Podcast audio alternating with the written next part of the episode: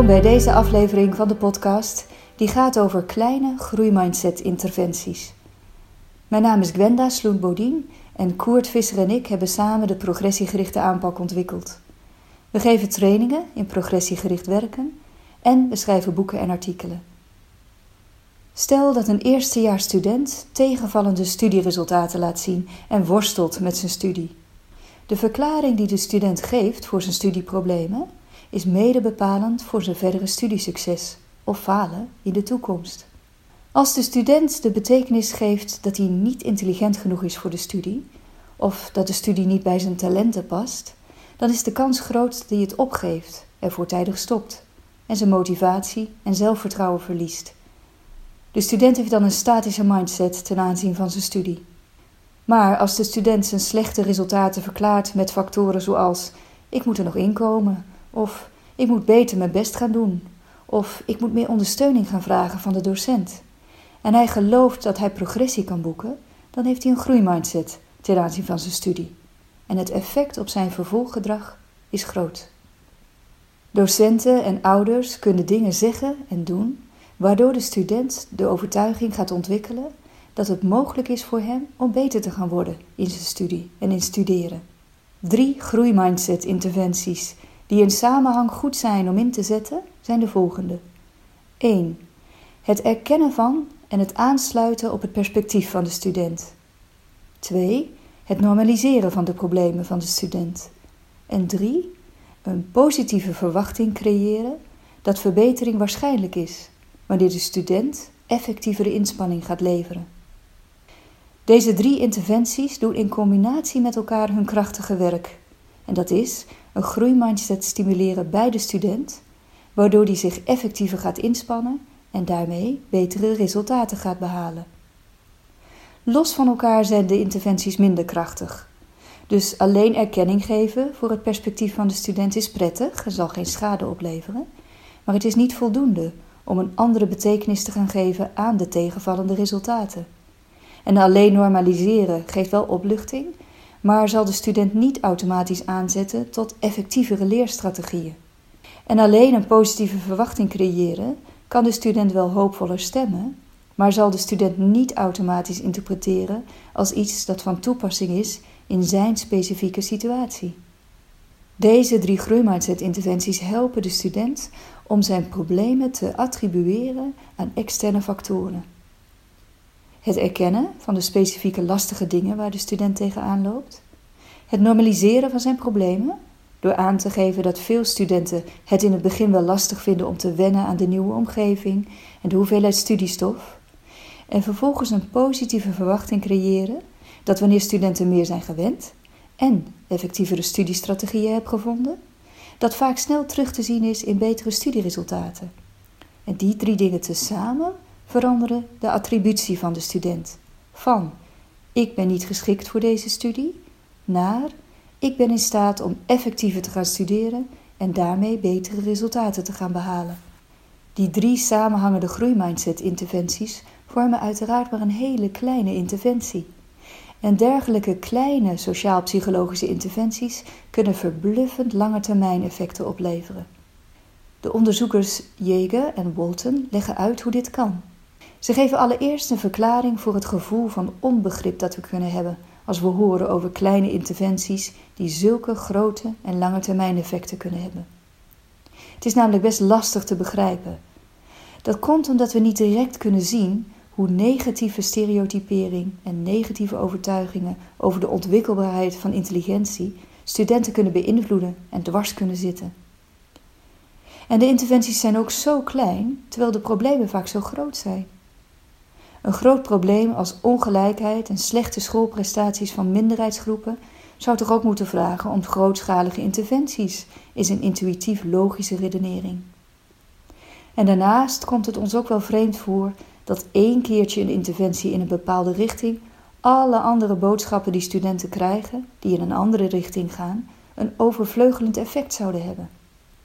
Hoe kan het nou zo zijn dat als je één keer opschrijft dat je je thuis voelt op de universiteit, dat dat opweegt tegen al die ervaringen die je opdoet waarbij je juist twijfelt over of je wel slim genoeg bent en thuis hoort op de universiteit? Jager en Walton hebben de meta-analyse gedaan van kleine sociaal-psychologische interventies die grote en langdurige effecten hebben.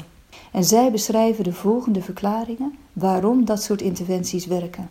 Die interventies die goed werken zijn precies afgestemd op de ervaringen en op het perspectief van de studenten in de betreffende school. En de boodschap wordt gegeven via hele krachtige mechanismen. De boodschap is precies afgestemd op hoe de student zijn situatie ervaart.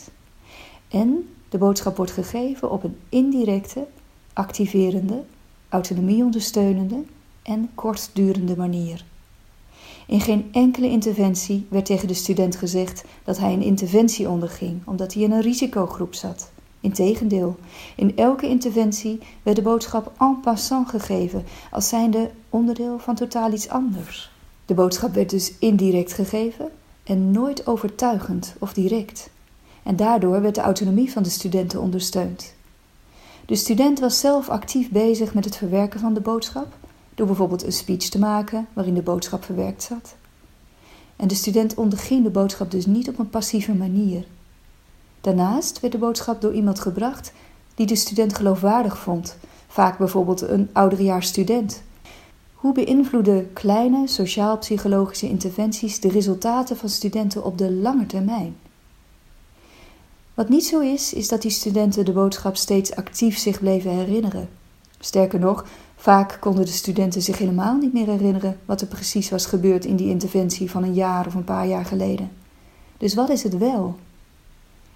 De interventies zetten zichzelf herhalende sociale, intellectuele en psychologische processen in werking op school.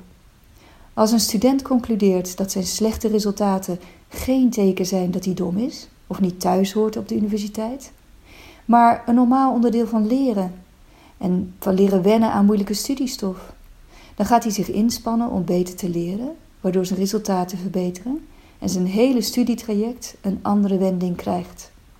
De timing van de interventies is hierbij ook cruciaal.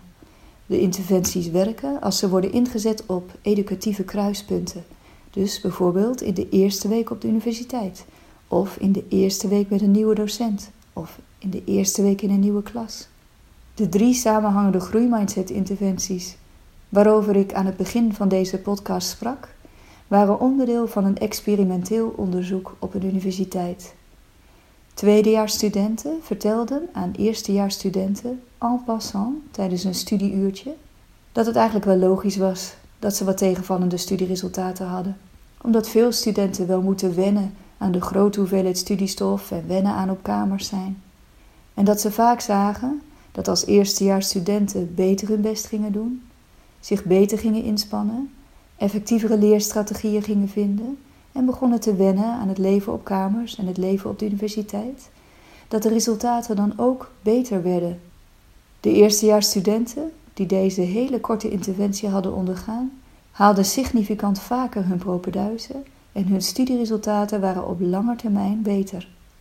In Nature is op 7 augustus 2019 een artikel verschenen waarin verslag wordt gedaan van een hele kleine groeimindset-interventie in een nationaal groeimindset-experiment in Amerika. En dit nationale experiment liet zien waar een groeimindset leidt tot betere prestaties. Dat onderzoek is onder leiding van David Yeager uitgevoerd door een onderzoeksteam van invloedrijke psychologen zoals Carol Dweck en David Panescu. In het onderzoek waren twee momenten waarop de experimentele groep de interventie onderging. Het was een online groeimindset-interventie en die momenten duurden elk nog geen half uur. Er was dus geen sprake van een training aan docenten of een workshop voor die leerlingen. De interventie was uitsluitend online. In die online groeimindset-interventie beantwoordden leerlingen vragen waarmee hun eigen mindset werd gemeten. Ze kregen daarnaast informatie over de ontwikkelbaarheid van intelligentie en de werking van het brein. En ze werden in de rol van mentor van een startende leerling geplaatst. Daarnaast werd de groeimindset persoonlijk relevant gemaakt, door de leerling te laten reflecteren op wat hij zelf belangrijk vond in zijn leven. Het effect was drieledig.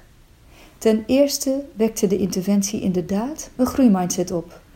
Ten tweede leidde de interventie tot een hoger gemiddeld eindcijfer aan het eind van het jaar. En ten derde leidde de interventie ertoe dat leerlingen vaker kozen voor een vak op een hoger niveau, dus voor moeilijker studiestof. Meer lezen over de groeimindset en over groeimindset interventies kan op deze site en bijvoorbeeld in het laagdrempelige boekje Hersenvitamine.